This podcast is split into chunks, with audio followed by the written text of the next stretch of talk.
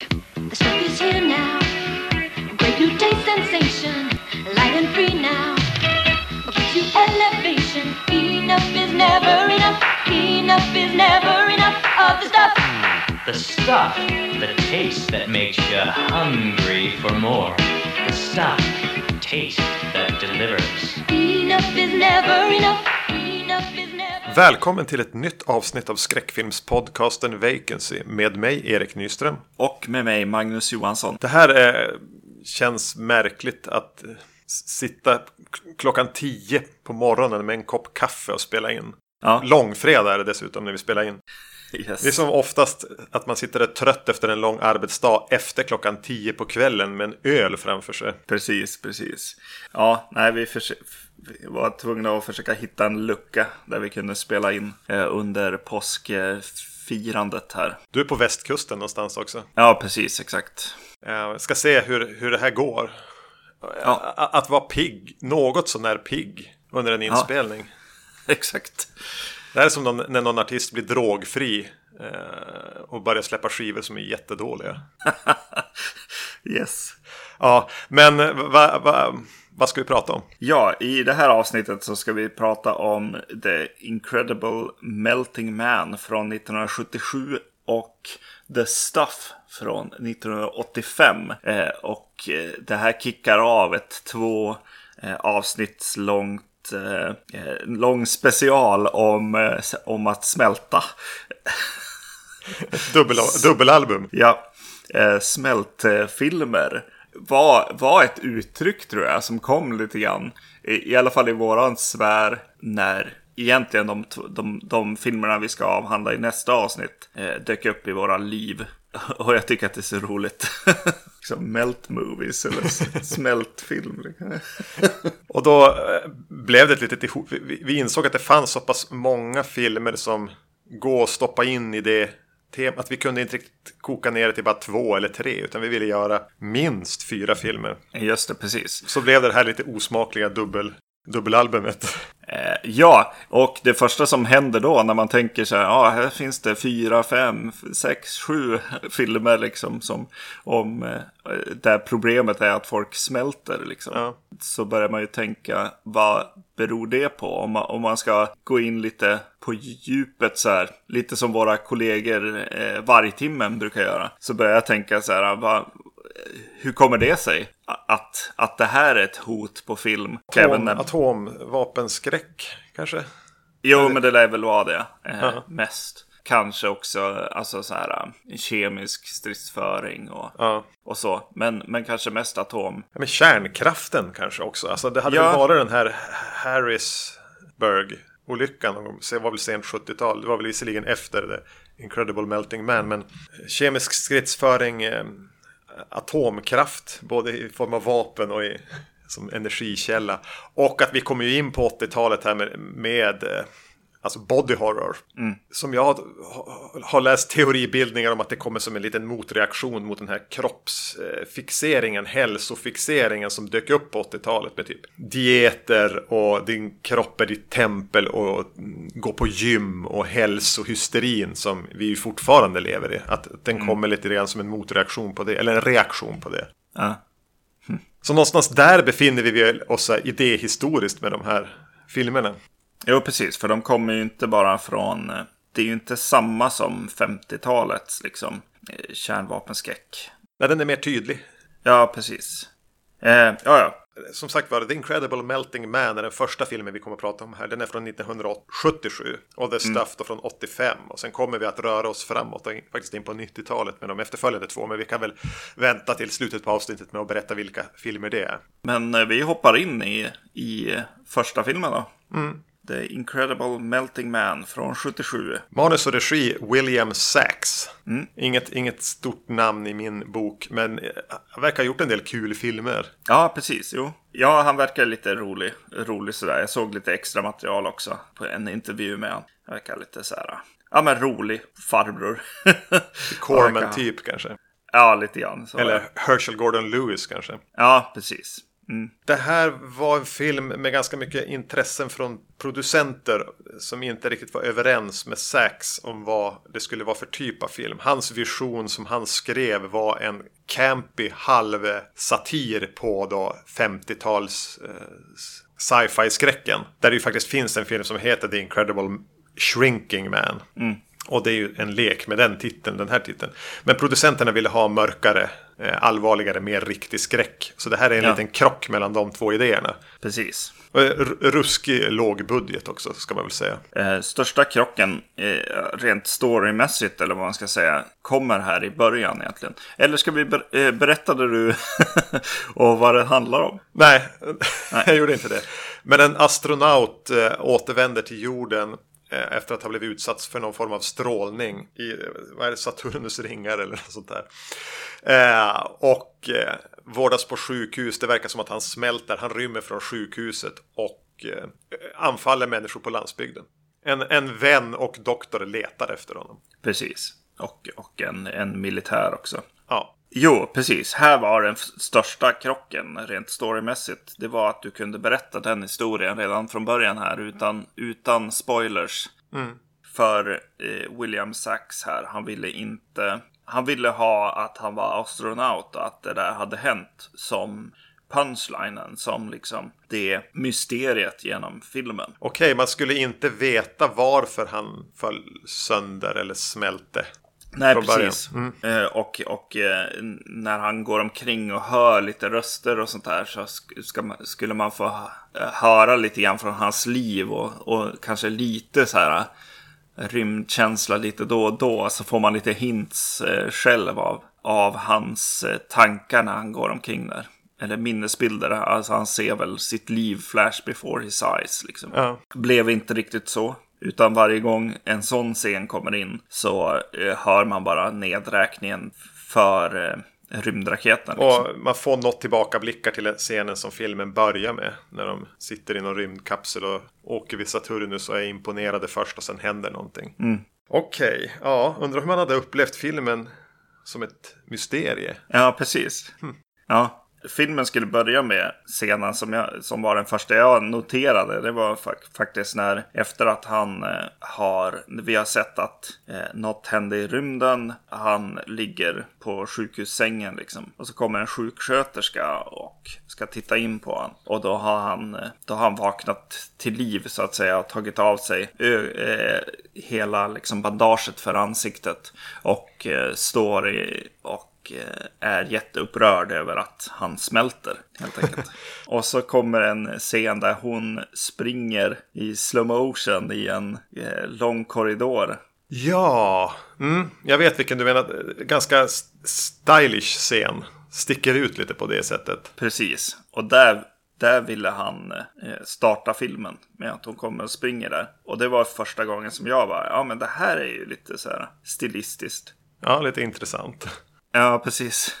Och så sen springer hon ju rakt igenom en glasdörr också. På slutet där. Det är lite både en, en problematisk scen på något sätt. Men också fantastisk på samma Ja. gång. Okej, mm. intressant. Jag försöker spela upp filmen lite grann i mitt huvud igen nu med, med, med det som öppningen. Och ja, eh, spontant känns det ju som en bättre idé som Sax här hade än vad producenterna hade. För den är ganska lökig, sekvensen i rymden. Extremt låg kvalitet på, på stock footage av rymden de har köpt in också. Ja. Det presenteras efter den här rymningen för eh, läkaren. Hans, eller jo, men han är väl någon slags doktor. Och vän med, med mannen som smälter. Som en, blir den som letar efter honom. Och det är en märklig scen när han har någon annan doktorskollega som är med lite grann i början. Eh, och man, man har någonstans ändå ställt in sig på vilken typ av ganska enkel, eh, inte på, på så stort allvar film och så kommer en scen där de här två står på typ en jättekonstig hiss som går i sidled. Typ ett sånt här flygplatsgrej, alltså man bara åker i sidled. Just det. Och huvudpersonen börjar prata om att hans fru är gravid. Och att han är jätteorolig och hon är jätteorolig för de har haft flera missfall tidigare. Eh, Men nu är det tidigt, vi vågar inte riktigt ta ut någonting än. Och alltså en lång, så där han som blottlägger sina, sin själ för den här mannen. Kommer väldigt oväntat. Ja. Eh, sen glider den scenen över till att de pratar om varför den här eh, smältande mannen behöver döda. ja, just det. Så den blir nästan i en tagning går från, från oro eh, inför att bli pappa och att, att de ska drabbas av ännu en sorg till alltså jätteklumpig exposition. Utan att blinka. En, en märklig scen. Och att de åker i sidled hela tiden. Yes. Jo, precis. Det är som att han vet att så här, ja, vi behöver ju i alla fall något visuellt här som, Ja. som tar hand om expositionen. Liksom. Ja, Ställer på den här sidledshissen. Så. så blir det bra. Men, men den scenen är på något sätt lite representativ för den här spretigheten. Mellan att vara någonstans lite camp eller ja, men lite Herschel Gordon Lewis eh, C-filmsenkel. Och att vara, ha något ganska dystert och sorgset och deppigt över sig. Ja, Som inte ja. riktigt går ihop kanske. Men det är ju en, en udda mix. Mm, precis. Ja, men ett annat exempel på det är ju, det, det sitter några typer, vad kan de vara, åttaåringar som barn som presenteras för att de ska upptäcka någonting som leder vidare. De två pojkarna presenteras med att de sitter och röker. Ja. Alltså, de, och de, man tänker på att ni, de här barnen är alldeles för unga för att vara barn som på film tjuvröker. Ja, Det, det blir genast lite mörkt. Och så dyker det upp typ en, en, en tjejkompis till dem. Och det första den ena killen säger med så här ut- otäckt grin är liksom Ska vi leka doktor? ja precis. Så det är, det, det är någonting lite skevt med, med hur vanliga personer presenteras i den här också. Eh, jag, jag tänker att, eh, att det är lite han regissören också. Att så här, han känns lite som en sån som kan gilla att provocera eller ta upp någon problem i samhället eller så vidare. Men eh, som inte riktigt kan ta hand om det på något sätt. Han har inte riktigt den intellektuella kapaciteten att göra något intressant av det eller liksom hantverksskickligheten och hantera det med den respekt som kanske krävs. Nej, precis. Då är det nog bättre att bara göra liksom kärnkraft är vårt största hot, tycker han kanske. Och så bara, ja, kör på det. Mer, mer comic book än, ja, jag vet inte vad. Nej men något slags eh, nihilistisk Texas Chainsaw Massacre-elakt. Ja, precis. Sen börjar ju liksom stora delar av filmen handla, tycker jag, om, om specialeffekterna såklart. Med sm- smält film så, så blir det väl så helt enkelt. Och eh, Rick Baker gör specialeffekterna här. Ja, det är ju värt att notera. Eh, han hade tydligen gjort någon så här eh, lite, lite finare eh, film. Alltså att han hade, han hade breakat igenom till mainstreamen. Just, jag kommer tyvärr inte ihåg vilken film det var han hade jobbat på. Och så vet det, eh, hade han fått det här manuset. Och han hade bara, nej det här vill jag inte göra. Det är lite fult att säga nej, så jag, så jag droppar en helt galen budget för det istället. Så bara, ja men jag satsar högt liksom. Och så sen får vi se. Och då ha- hade de ju tagit det tydligen. Jag sätter ett så högt pris att ingen, att jag slipper säga nej. Och så Ja, fick jag göra det än- ändå. Eh, det känns lite grann, alltså nu när jag såg på, på lite eh, extra material med honom också. Det känns nästan som i allmänhet så tycker VFX-folk att det är okej att snacka ner en film. det känns som att de, de har något slags hantverk som gör att de känner att så här, det är deras verk som regissören gör illa på något sätt. Ja, Jag tycker jag har sett, eh, sett både Tom Savini och nu även han här i intervjuer som har pratat om hur, hur ganska dålig filmen blev och så här. trots deras fantastiska effekter. Ja, precis. Hm. Det var bara något jag noterade i den intervjun. Men eh, jag kan väl inte säga att det är häpnadsväckande effekter från Rick Baker. Eh, nej, precis. Alltså inte, det är inte kassa effekter heller, men, men det är ju inte så att, att han på något sätt kan säga att hans effekter är filmens stora stjärna. Nej, precis. Nej, nej det är sant. Eh, det finns några bra grejer, men det är ju mest att, att så här, häll så mycket goo på han som möjligt. Eh, så när, så när eh, monstret, höll jag på att säga, när astronauten här går omkring så filmar de fötterna ibland och då rinner det liksom längs, längs med så här som att han nästan sitter ihop med marken. Han går ju runt och rör vid saker hela tiden som stryker av sig gegg på träd och buskar och Han tappar ju typ ett öra vid någon kvist någon gång som de hittar Mm. sen. Sådana detaljer är ju rätt, lite my, mys-trashy. Jo, det gillade jag också. En annan som jag ändå tycker är bra är, är den här personen som tappar huvudet. Ja, Och det, det vad det, flyter längs va vattnet och sen eh, nerför ett litet vattenfall och krossas där nedanför. Eh, förväntat, ja, ja, det är en häftig... Ja, det är en häftig effekt, Ja. absolut. Hade du förväntat att det skulle komma någon payoff på det där huvudet? För vi får följa det rätt länge. Jag, jag tänkte ju att barnen skulle hitta Ja, för de säger det, vi- går och leker i vattenfallet. Aha, Ja, nu kommer de att hitta det, men nej. Eller att, jag var också inne på, men vänta nu, är det så att det här eh, smittar på något sätt? Det här Ja, precis. Att det här både ska bli någon, någon eh, källa, åka ner i någon vattenreservoar eller någonting. Men nej, det, det blir ingenting med det heller. Nej. Det var nog bara kul att få slänga ett, ett, ett avhugget huvud i vatten och följa det med kameran. Låta det falla ner för ett vattenfall. Ja. ja visst, det var det väl. Mm. Men en av flickan där får ju syn på, på monstret och springer tillbaka till sin mamma och säger att hon har sett Frankenstein. Mm. Och det är ju nästan det, det, det man tänker på mest med den här ganska sorgliga astronauten som klafsar runt och smälter och dödar folk. Att det är ju, det är ju Frankenstein Ja. på ett sätt. En stackare som är förvirrad och kanske bara försöker överleva. Mm. Och stapplar runt i liksom i någon halvöken. Ja. Och ibland dyker det upp folk. ja, precis. Jag gillar bilderna också när han stapplar runt liksom. Det är ju, ja, lite Frankenstein-känsla på det. Och det är någon som är i, han, han vandrar i solnedgång. Ja. Som är, jag tänkte på, alltså när eh, Leatherface då svingar mo- motorsågen i slutet på Texas Chainsaw Massacre. Just det. Och den här återkommer ju även med bilder på sådana här eh, solutbrott. Ja. De har återigen köpt in så här, billig rymdfoto. Kommer ju tillbaks några gånger. Och är inte, det är ju sånt i, i början på Texas också. Mm. På något sätt så fick jag lite Texas Chainsaw-vibbar av den. Ja, och att det är det här lite eh, halvöknen de är. Mm. Och den är väldigt ljus och solig första halvan. Allting i skarpt dagsljus. Ja. Men sen går man ju från scen till scen och lite så här äh, mordscener och sådär. Medan de eh, söker och har lite middagsscener ibland. De som söker efter det. Eh, Monstret så att säga. Eh, och eh, det blir lite intressant. Eller så här. Jag börjar tänka på Jason också. Jason Voorhees. Eh, det blir ju lite, lite fredag den 13. Liksom Jason Takes Manhattan eller någon annan film. Särskilt de som är lite mer comic booky. Alltså, Mm, sexan. ja precis. Det känns som en serietidnings eh, fredag den 13. Vi får följa eh, monstret ganska mycket gåendes. Eh, ställa sig och titta in på någon genom ett fönster i mörkret. Mm. Gå vidare till ett annat fönster. Alltså den Ja, sagt, precis. senare delen av Fredag den 13 serien filmer. Jo, precis. Men det finns ju också liksom, eh, alltså det finns en ganska långsam variant av nästan första filmen eller, alltså de här när det, när det väl eskalerar och de vet att mördarna är utanför och så. där. Just när han går mellan fönstren där och slår in armen genom ett fönster och, och det är någon kvinna där som upplevs som en final girl i en fredag den 13 film lite grann. Ja. Ända tills de stannar till och ty- tycker att hon skådespelar så fantastiskt bra.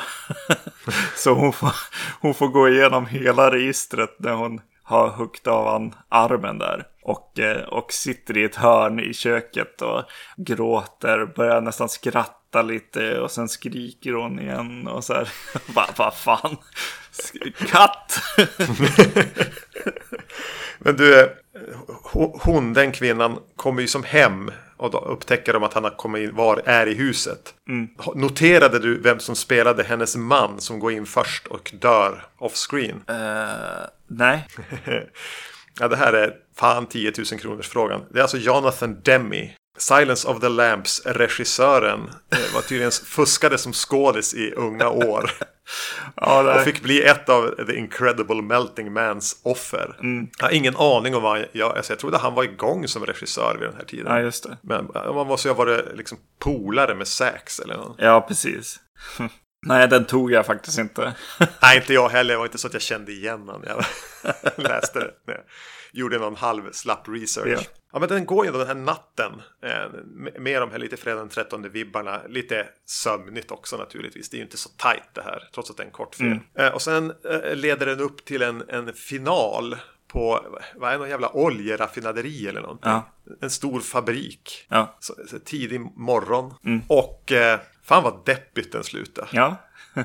Riktigt jävla cyniskt. Ja. In, ingenting spelar någon roll. nej, nej, verkligen inte. Så det blir lite grann här, den här filmen som kanske ska vara lite campy, eh, lätt satir. När den ska bli så här eh, Night of the Living Dead eh, eller Dawn of the Dead eller Day of the Dead dyster och misantropisk. Då, man, man, man blir lite besviken eller man, man blir lite förvirrad för de här tonerna som vi redan har varit inne på går ju inte riktigt ihop. Och hantverket kan inte riktigt bära upp något som bara ska sluta så, ja jag vet inte vad, abrupt eller Nej, precis. snopet. Mm, det är verkligen snopet, ja. yes. Det jag tyckte var ändå behållningen med den här filmen, det var så här att den kom 77. Mm. Eh, visst, slasherfilmen är väl liksom gror här lite grann. Det bubblar. och eh, 80-talet är på, på väg. Och det är väl det som är så här att, att han har gjort en liten så här throwback-film, lite så här eh, 50-tals skräckis på 70-talet med fokus på effekter. Med, med en viss så här, se- serietidningsform som gör att det, det verkligen känns som en 80-talsrulle eller någon så här, ja nu, nu kommer det. Mm, den pekar ut en riktning den här filmen utan att veta om det tror jag. ja, precis. Jo. För nä nästkommande nästan 15 år av skräckfilm. Mm, exakt. Jo. Den var ju tydligen en biosuccé också. Alltså den gick skitbra. Spela in sin budget flera gånger om. Lite svårt att tänka med det. Men mm, att det här var liksom det, det folk gick och såg på bio. En jävligt trevlig känsla ändå. ja, jo, jo, precis. Ska vi gå och se liksom Woody Allens Manhattan eller ska vi gå och se The Incredible Melting Man ikväll? Ja, vi tar fan Melting Man. Jag är lite less på Woody Allen. precis. Det är härligt. Alltså jag har ingenting emot den här filmen. Nej. Men eh, det är ju kanske ingenting jag skulle uppmana alla att se. Det krävs ju att man har ett specialintresse för skräck. Och då är den rätt trevlig. Ja, det är kanske den där, så här, ja men ska vi se den här, ja, och så funkade det ganska bra ändå. Ja. Filmen, en hyrfilm. Jag hade aldrig sett den tidigare förresten. Hade du gjort det? Nej, det hade jag inte. Så det var ju lite, lite kul just det där. Framförallt för mig med 80-talskänslan som infann sig. Eh, och att jag fick se liksom saker som hände senare, tidigare. Helt enkelt i den här filmen. Just, just eh, mycket av, av hur han anföll folk och så där. Som var så här. Ja, det är nog någon, någon som har gjort eh, Fredag den 13 filmen har nog kanske sett den här också. Utöver då eh, eh, Frankenstein. Som ju såklart eh, också blir referenspunkten i de filmerna som är lite mer så här campy comic, comic book eh, fi, eh, i Fredag den 13 serien. Nu fortsätter vi att referera till Frankenstein här. Vi sa för här, något avsnitt sen att vi ju måste faktiskt avhandla original Frankenstein snart. Har, har, du, har du köpt den än? Nej, nej det har jag inte gjort. Jag såg, för jag vet att jag sa köp nu Frankenstein och Bride of Frankenstein. Och sen två veckor senare så delade du på Instagram att du hade köpt den här med Robert De Niro. Magnus, det var inte den jag menade. Nej, nej, nej. Just det. Du är spring på, vad heter den? I eh, Göteborg. Den Ja, just det. Den finns inte längre tyvärr. Nej, jag gör inte det. Då. Tänkte, Nej. annars där känns det som att man skulle kunna springa och köpa Frankenstein och Bride of Frankenstein på DVD. Eller Blu-ray. Movie Line eller vad det hette i slutet. Melody Line hette den ett tag. Ja, ja. Ibland har vi tur när folk dör. ja. Hemsk sak att säga, jag- jag tar tillbaks det, men jag kommer nog inte att klippa bort det. Nej. Men vi hade planerat det här alltså de här två avsnitten med vilka filmer de skulle innehålla Mm. sen någon, någon månad tillbaka. Och nu för någon vecka sedan nåddes vi av nyheten att eh, Larry Cohen har dött. Mm. Mannen som skrivit och regisserat The Stuff. Eh, Han var väl ändå i 80-årsåldern, närmare 80. Ja. Vi har pratat om eh, Q the Winged Serpent tidigare på podden. Ja. Är det någon mer av hans filmer vi har Nej, inte än. berört? Nej, det kommer ju definitivt. Jag blev, eh, såg den här började tänka på den här God Told Me To. Ja. Den blev jag väldigt sugen på att se om. Så vi får väl se. Och eh, It's Alive-filmerna. Känns ju som ett givet avsnitt. Precis, precis. Men det kommer, gott folk. Ja. Det kommer. Här är väl en, en sån då regissörs och manusförfattare som kanske kan eh, hantera lite mer av de här eh, frågorna som han har. Eller i alla fall avhandla dem och ge dem liksom lite tid och, och ofta lite finurligheter också i det. Och det, när han väl blir eh, politisk så, så blir han det ordentligt känns det som. Ja, men en liten finurlig farbror eh, med, som är rätt skicklig på att skriva sina filmer. Och tillräckligt duktig på att regissera dem. Ja, jo precis. Han är väl i första hand en manusförfattare. Ska man Ja. väl säga. Och sen är det väl kanske det att han vet hur han ska hantera sitt eget material som är, gör att hans filmer blir så pass lyckade som de blir. Jag har svårt att tänka mig att Larry Cohen skulle ha någon större framgång med att regissera någon annans manus. Nej. Gun for hire tror jag inte riktigt skulle passa honom. Det här är också när man får eh, av han som person tänka de- dels lite grann på Roger Corman, eh, lite grann på han eh, Jeff Lieberman i hur filmerna känns. Ja, Och kanske en, en mindre, mindre själsligt död eh, David Cronenberg. Nåväl. The Stuff alltså, 1985. Eh, verkligen så här high concept film som Q the Winged Serpent och en ödla i New York. Här är det liksom en dessertyoghurt eller glass som eh, lanseras i USA. Men det verkar som att det händer någonting med folk som äter den. Det är nästan som att det här The Stuff har en egen vilja. Ja. Återigen, jag hade inte sett den här. Jag var helt säker på att jag hade sett den, men jag måste blanda ihop den med något annat. För det här var inte det jag trodde det skulle bli. nej okej. Hade du sett den tidigare? Yes, ganska nyligen hade jag sett den. Vi kan eh, nämna här på tal om temat att det är ju inte direkt så att människor smälter här. Nej, nej precis. Så vi, vi tappar temat lite grann här. Men det, å andra sidan är det ju väldigt mycket smält glass, eller vad man ska säga. Med. Just det, det är roligt om man, om man bara tänker på, man tänker på den som en smält eh, film så blir den lite otäckare i sig också. Ja. Då tänker man att insidorna på, på folk är helt bara här. Men, men det får man lä, läs, läsa in själv. Ja, och, men mm, det finns ju där. Det här är ju ganska mycket en pod people-film egentligen. Ja. Att människor blir utbytta eller övertagna av någonting. Den börjar pang på rödbetan. Med en sen vintertid. Med någon man som hittar någonting som bubblar upp i snön. Och av någon anledning så får han först att smaka på det och konstatera att det är fan det godaste han någonsin har smakat på. Så kommer hans kompis dit och bara frågar vad han håller på med. Sluta äta snö, ett äckel. Och de står och tjafsar lite grann om det. Han säger nej men det är jättegott, det här är jättegott. Och, så, och sen klipper vi bara till när eh, eh, man kan tänka sig kanske något år framåt i tiden. När the stuff är det här som all... Det är en reklamkampanj på gång. Eh, det tar världen med storm. Och vi presenteras för huvudpersonen som anställs av något glassföretag som för typ industrisabotage. De vill dels komma åt receptet eller det, om, om inte annat sätta käppar i hjulet för The Stuff-företaget. För de är, slår ut all konkurrens. Det är ganska skönt alltså. Bara vilken, vilken setting på något sätt. In, industrispionage är det dags för alltså här. Ja. I någon slags campy skräckis här. och eh, Och det är huvudpersonen vi får följa som är, han säger ju det, jag, är, jag, gör, det, jag gör allt för pengar. Supercynisk är han till en början, sen gör han ju en resa genom filmen. Men han är ju så här före detta FBI-agent, men han är väl utsparkad från byrån och nu gör han sånt här. ja, och eh, går vid namnet Mo heter han. 'Cause I want Mo. Because he wants Mo. Spelad av Michael Moriarty, som väl var en som Cohen använde sig av Ja. i andra filmer. Och eh, ja, men vad, jag, jag känner liksom att vi måste prata om Michael Moriarty som går runt med en så här southern drawl dialekt hela tiden. Låter som en eh, rik eh, southern gentleman.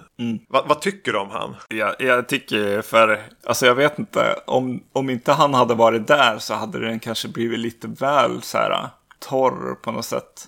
Det känns som att han har en skön glimt i ögat som är lite annorlunda än vad man är van vid. Den är inte så här omedelbart likable. Nej, det är han Så här ju. jordnära som så här Kurt Russell i Big Trouble in Little China. Så här svettig, kärvänlig lastbilschaffis. Utan det här är ju mer en försäljare. Som man börjar gilla. Precis. Han är ju ja, eh, ganska otrevlig typ alltså. Men han har något, något eh, charmigt i det också. Eller man, man vet att... Jag tror att man är med Larry Cohen kanske lite grann. Han visar vad Larry Cohen tycker om honom just att han är, han är väldigt så här burdus och stor och går in i rum och stänger, går in i någon produktion av någon reklamfilm och bara stoppar den för han behöver prata med hon som regisserar den och så här. Det är en utmaning att spela den här karaktären så att man faktiskt är beredd att följa med honom genom filmen som en hjälte. Ja, Han, det är någonting med, ska vi säga, både Michael Moriarty och egentligen alla skådisar här att de, det sitter inte riktigt så här, personregin. Det kan bli ganska stolpigt ibland. Jag tycker, det, tycker att det är alltså, vissa scener, vissa replikskiften, att de kanske inte har haft tid att ta den så många gånger det skulle ha behövt eller det var det lite bråttom eller att Cohen kanske inte är mästaren på personregi. Det tycker jag ligger liksom som ett genomgående tema genom allt skådespel. Vilket gör att jag, när man, när man som har zonat in i det, då är det inga problem. Utan man köper hur, hur alla i den här filmen beter sig. Vilket är lite halvkackigt, men det funkar. exakt. Yes. men det, det, scenen när vi presenteras för Mo här är på någon båt tror jag där de träffas eh, höjdarna på glassföretaget som vill anställa någon för lite industrispionage eller sabotage. Eh, Och han kommer dit och han har placerat någon mick i fickan på någon och sånt där. Och det är en massa silverrävar där till män i kostymer. Det är någonting med, och det tror jag jag nämnde i Q-avsnittet också, i hur Alltså de pratar med varandra i dialogskiftena. Det är ganska det är ju snärtigt skrivet. Jävligt välskriven dialog som är väldigt Tarantino. Ja. Jag tycker någonstans att jag, ju mer Cohen jag ser, desto mer tänker jag att Tarantino har konsumerat väldigt mycket av, av eh, hans filmer. Och ofta är det, det kan ju vara lite mer, lite mer raffinerat, lite mer utvecklat i Tarantinos filmer. Men på något sätt så är det här det opolerade grunden till hur mycket han bygger sina dialogsekvenser. Just det. Jag får framförallt i början innan det blir liksom ett äventyr av det hela. Men när det är ganska mycket så här corporate snack och sånt. Jag tänker Ja. att det är exakt så här som Tarantino skulle hantera samma dialogsekvenser. Mm, jo, absolut. Eh, Jag tycker att filmen har, alltså det är inte hans bästa film kan jag tycka. Utan den har någon, någon, någon slags så här, men kom igen då känsla liksom. Lite genom sig. Kom till saken eller, ja den är lite slö på något sätt för mig. Och eh, man kanske går några loops för mycket i, i att eh, hitta till rätt plats och sådär. Och det är något mystiskt här. Och så ligger de nog på det lite väl länge ibland när de kommer till någon, någon liten by och sådär. Det får gärna ältas två, tre varv. Att sådär, något vi redan har förstått eller vad man ska säga. Hela sekvensen med den här Chocolate Chip Charlie-karaktären känns när man som har förstått att han ganska snabbt bara försvinner ur handlingen. Ja, Hade kunnat renodlas på något sätt. Även Jo, om jag kan gilla delar av sig, alltså där han är med ändå. Alltså de är inne och pratar med någon som jobbar typ på posten eller vad det är. Mm. Jag gillar den sekvensen, den farbrorn eller, vad- är, är så behagligt mystisk. ja. Men ja, jag förstår vad du menar. Det är som att den drar saker eller något varv för mycket. Eh, Det hade kanske gått att disponera tiden annorlunda. Mm. Men vad tycker du då om den här pojken som presenteras? Ja, just det. Det kanske ingår lite grann att de han väljer att ha ganska många eh, infallsvinklar. Det är både liksom en every, eh, every family på något sätt. De som ska utsättas för the stuff. De har den här, de som är eh, rädda att the stuff ska ta hela deras business liksom. Ja. Och så har de ju The Stuff-företaget också. Och hur de gör PR för den The Stuff. Hur det kommer ut till folket liksom. Mm. Hela, hela pipan av, av kapitalism eller Precis. eh, konsumtion här är ju med i filmen. Och eh, representerat i karaktärer egentligen. Ja, precis. konkurrensen, PRen och eh, konsumenten. Mm. Och de, de, de blir ju som en tre, så det blir, det blir Mo här. Han som raggar upp eller snärjer hon som jobbar med typ reklamfilmerna för det. Och så Mm. korsas deras vägar med en liten, vad kan det vara, 12-årig pojke som har tidigt sett att the stuff inte är bara en god yoghurt. Mm. Och vägrar äta den och försöker hindra andra. Men hans familj äter den och blir ju förändrade. De blir liksom det här Indiana Jones-gänget. Ja, men det behövs ju. Jo, det, det, är ju som, det är ju som ganska smart. Ja, Och pojken här får ju stå för något slags hjärta också. Det där är återigen väldigt ojämna scener med hans familj. Ja. Nå, någon frukostscen som inte alls funkar. Sen tycker jag när pappan börjar bete sig som en, eh, i, någon, i en reklamfilm så är han ganska rolig. Ja. Eh, och sen försöker ju pojken lura familjen att jo men jag ska äta det och jag gör väl som ni säger då. Ta med sig det upp på rummet, spola ner i toaletten, ta rak. Av någon jävla anledning så fyller han alltså en sån här glassbägare då med, med rakskum och går ner och tänker att ja, men jag kan låtsas äta det. Ja. Och det, jag tycker att det är vansinnigt roligt. Hur den inte överspelar hur äckligt det är. Eh, Men han får ju verkligen kämpa med att äta raklödder inför sin pappa. yes. Ja, På ett jäv... Ja, jag tycker det är roligt helt enkelt. ja, jo. Ja, just det. Ah, shit, just det. Jag, jag kollar i mina notes här och så här. Ja, men de blir ett gäng och, och ska så här stoppa de här. Och så undersöker de det hela. Men det kommer en till aspekt av samhället på något sätt också. Och det är ju militären Ja. som kommer in här. På ett väldigt så här konstigt sätt egentligen. Han bara, ja men jag känner en snubbe, vi åker dit. Och så kommer han till någon slags borg eller, alltså jag vet inte. Vad Ja, händer? det är någon, nå- någon utbrytare ur militären egentligen. Alltså som är ordentligt reaktionär, kommunisthatande rasist som har som tagit kontrollen över ett eget litet förband och bosatt sig i en borg och har någon eh, radiostationer där de försöker tala om för folket att eh, faran med yttre, förmodligen typ Sovjet. Ja. Allting är kommunistpropaganda och liknande. Ja, Paul Sorvino spelar den. Också som ska vara lite bitvis ganska rolig. Men också lite, ja, ha. ja, jo, jo här, här finns ju ett rent så här, vad heter det? Larry Cohen går ju, går ju rätt hårt på de här militärerna liksom i, i manus. Han är ju verkligen en otrevlig typ alltså. eh, I det han säger. Och samtidigt så är han del i gänget som ska Ja. rädda världen och så här. Det känns inte som att han håller sig till temat när han dyker upp lite grann. Känner jag i alla fall. Nej, det kommer verkligen från ingenstans som du säger. Alltså det andra känns ganska... De andra karaktärerna presenteras lite var för sig och förs samman och, och, och, och gräver i det här mysteriet. Och, och helt plötsligt så åker de till en militär som de råkar känna till. Alltså det kommer verkligen från ingenstans och blir lite det här. Sen gör de den här James Bond-attacken på fabriken. Ja. Med det här ny, nyfunna gardet de har. Jo, precis. De behövde lite, lite vapen till en shootout. Liksom. Ja. Men jag backar lite grann till hon, den kvinnliga huvudkaraktären som ju egentligen bara blir medsläpad. Får ju inte så mycket att göra. Men jag tycker ändå att hon blir lite intressantare än vad... Han har ändå en känsla för att skriva karaktärer och kunna ge dem små grejer att göra hela tiden. För att det ska bli lite intressantare även i en sån här lågbudget, eh, campy skräckfilm. Alltså här, hon håller ju på eh, så här, knäcker knogarna hela tiden och nacken och det som hennes grej som hon gör. Och, ja, men det tyckte jag samspel funkar. Det blir en liten charm mellan dem. Det blir lite liv i, i dem. Eh, hon blir inte bara något som ska släpas med och bli försatt i fara. Nej, precis. Och hur de använder hennes liksom, medskyldighet också. Ja.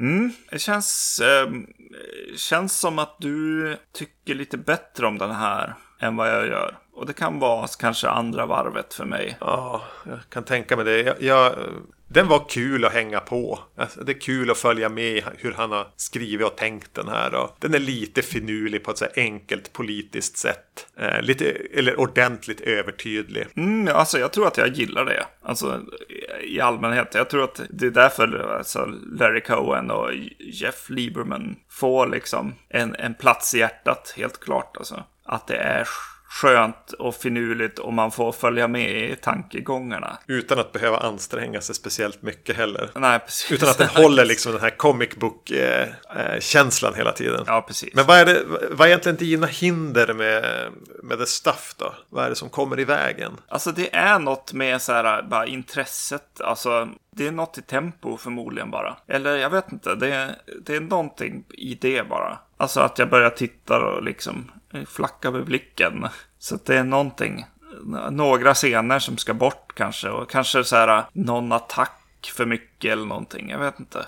Mm. Jo, då är det ändå en ganska kort film. Men det hade gått att plocka bort scener som blir som en upprepning. Men samtidigt så börjar, då börjar det snart vara nere på en film som kanske är för kort för att kännas som en riktig film. Så den hade kanske behövt utveckla andra saker då. Hade det gått att göra mer med relationen mellan Mo och den här PR-kvinnan eller jag vet inte. Jag gillar ju verkligen när det är the stuff, liksom reklamgrejen och hur det, hur det sprids och sådär. Eh, scener med liksom, de har små, små eh, shops liksom själva också liksom. Små restauranger eller vad man ska kalla dem för. Så här eh, glasstånd.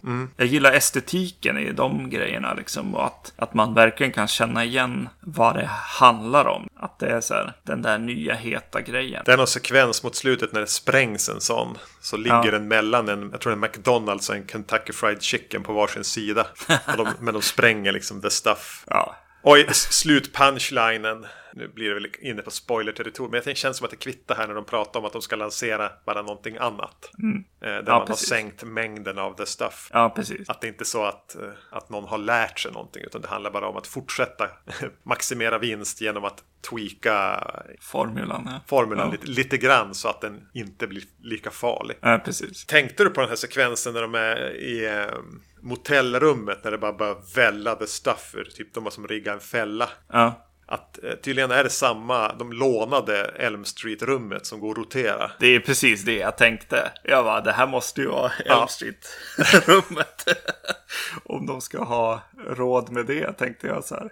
Då är det säkert någon annan som har gjort det redan. Och jag kan nästan gilla, jag ska inte säga att det här är en bättre scen, men det är någonting med att den är mer, den är skickligare genomförd i Elm Street, mer genomtänkt, att det finns en tanke med exakt hur karaktären far runt i, i den filmen. Mm. Medan här så är det inte riktigt som att de har haft någon grundidé med riktigt hur de ska använda det. Nej. Utan det är väl mest ett sätt att få Stuff att kunna fly, fara på ett sätt som ser märkligt ut i och med att det får hälla, men det ser ut som att det, att det sprutar upp ur någonting. Mm. Men det blir bara lite märkligt på ett sätt som jag gillar. Ja, den är rolig. Punkigare. Ja, precis. Just det. Ja, ja det satt jag och tänkte på också. Det, det är väl det är ganska mycket miniatyrarbete i filmen, ser man. Men ibland så bara, alltså vad är det stuff då? alltså hur gjorde de allt det här? Ja. en del grejer liksom. Som känns så här bara, ja vad är billigast tänker jag så här bara, är det bara en massa yoghurt eller? det blir väldigt så här. Det är nog inget direkt problem att få tag i något vitt flytande liksom egentligen. Men, men det var, det var jag kanske var i, i mode att jag hade tänkt att göra filmen. Jag vet inte. men det, Men oavsett så här, jag tycker inte att det är en perfekt film. Jag tycker att den är ganska trevlig. Men det är en liten film som jag känner att jag gärna skulle ha gjort själv på ett sätt. Alltså, det, eh, Larry Cohen har lite, som Jeff Lieberman kan ha, även John Carpenter om man ska prata. Bara, ja, men den här filmen hade det varit kul att ha gjort. jo, verkligen. Cohen kan jag få de vibbarna av. De verkar även ha haft lite roligt. Han var tydligen speciell att ha att göra med på... Jag tror det var han Sorvino som har sagt det om Larry Cohen. Att eh, han vill inte säga någonting om honom för han har lärt sig att man, har man ingenting snällt att säga om någon Jaha. så ska man hellre vara tyst. Ja, jag kan tänka mig att det är en, alltså en av grejerna med såna här som kan, kan komma av, av manus och regi är ju att de vet vad de vill ha. Att det är en, ett skrivet manus och du, du ska inte eh, röra dig så mycket från det helt enkelt. Eller alls. Vad man har hört om andra sådana. Han är inte jätteintresserad av att tillsammans med ensemblen eh, utveckla någonting, skapa någonting. Utan det här är min... Stå inte i vägen för min vision, tack så hemskt mycket. Precis. skådespelarjävel. Ja, men eh, jag tyckte det här var ganska trevlig start på, på, på smälta saker. Ja. Jag kan inte säga att jag älskar någon av de här filmerna. Förmodligen The Stuff lite mer för att den, det är en skickligare eh, sammansatt film. Men Ja. ja, ja jag gillar dem båda två ändå. På något Jo. sätt. Jag tror ju att The Stuff faller fler på läppen än vad The Incredible Melting Man gör. Jo, precis. Jo. Det är mer lättillgänglig. Ja, eh, nästa gång så ska vi se Body Melt och Street Trash.